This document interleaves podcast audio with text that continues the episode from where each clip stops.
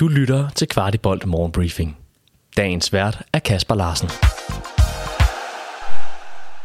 Mit navn er Dennis Jul, og jeg ejer den kørende terapeut.dk. Tjek min hjemmeside ud, da jeg kommer derhen, hvor du er.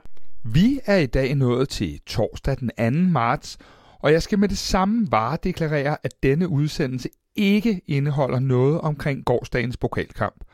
I stedet har vi inddraget pokalkampen i vores optag til OB-kampen, der er tilgængelig nu, der hvor du lytter til podcast. I optakten har vi blandt andet besøg af OB's assistenttræner Frank Hjortebjerg, vi har FCK-profiler med, og så samler vi det hele i studiet med U-træner i KB Kasper Martens. Der findes tidskoder, så du præcis kan finde det afsnit, du ønsker.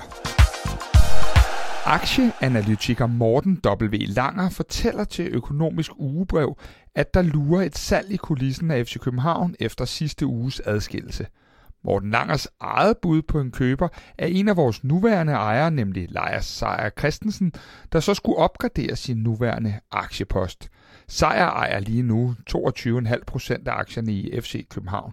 Kvartibolt har været i kontakt med Lars Sejer, der ikke ønskede at kommentere på påstanden. FC København skriver under med en ung angriber. Overfor tipsbladet bekræfter Head of Coaching i Roskilde, Per H. Jensen, at den 15-årige angriber Oscar Fenger skifter til FC København. Han fortæller yderligere, at angriberen godt kan minde en lille smule om Rasmus Højlund med en god fysisk pakke, og at det bliver spændende at se ham i et elitemiljø. Herfra skal der lyde et velkommen til Oscar, og vi ser frem til at spotte dig på diverse uhold fremover. En af dem, der ikke spiller bold, men som stadig er FCK-ejet, er Kuma Babacar.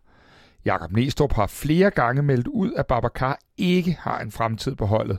Efter at de fleste vinduer er lukket, har der stadig været bud efter Babacar. Vi erfarer blandt andet, at tyrkiske klubber har været i forespørgsel på ham, men at den ulykkelige situation i landet har sat en stopper for det. Babacar har angiveligt en løn omkring de 5 millioner kroner om året i FC København, hvilket gør, at der skal et stort tilbud til at lokke senegaleseren væk fra den danske hovedstad.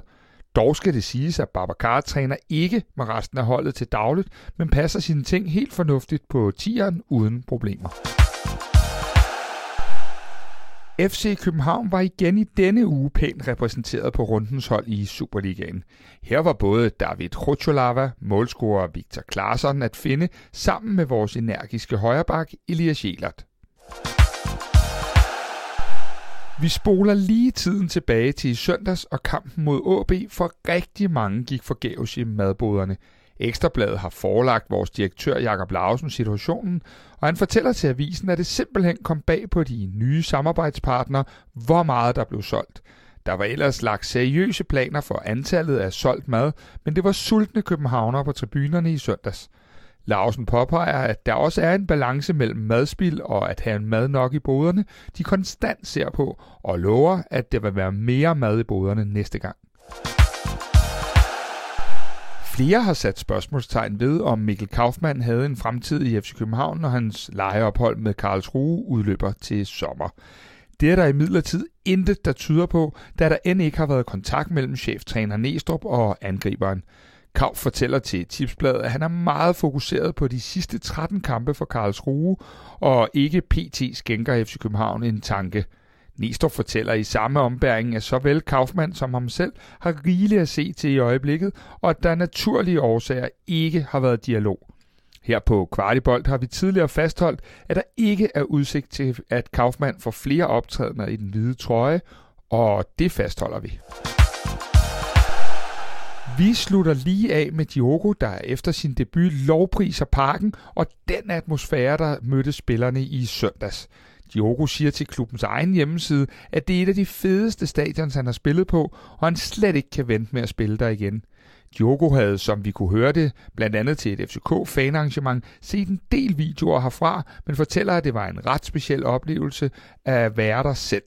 Diogo synes, at der har været en fin start for holdet, men at der er meget mere at gå på, både for holdet, men også for ham selv. Her på redaktionen glæder vi os til at se mere til den sympatiske portugiser, der rent taktisk var flyttet lidt længere ind mod midten i søndags. Besøg den kørende terapeut.dk og se, hvad vi kan gøre for netop dig. Du har lyttet til Kvartibolt Morgenbriefing. Vi er tilbage i morgen med byens bedste overblik over FCK-nyheder.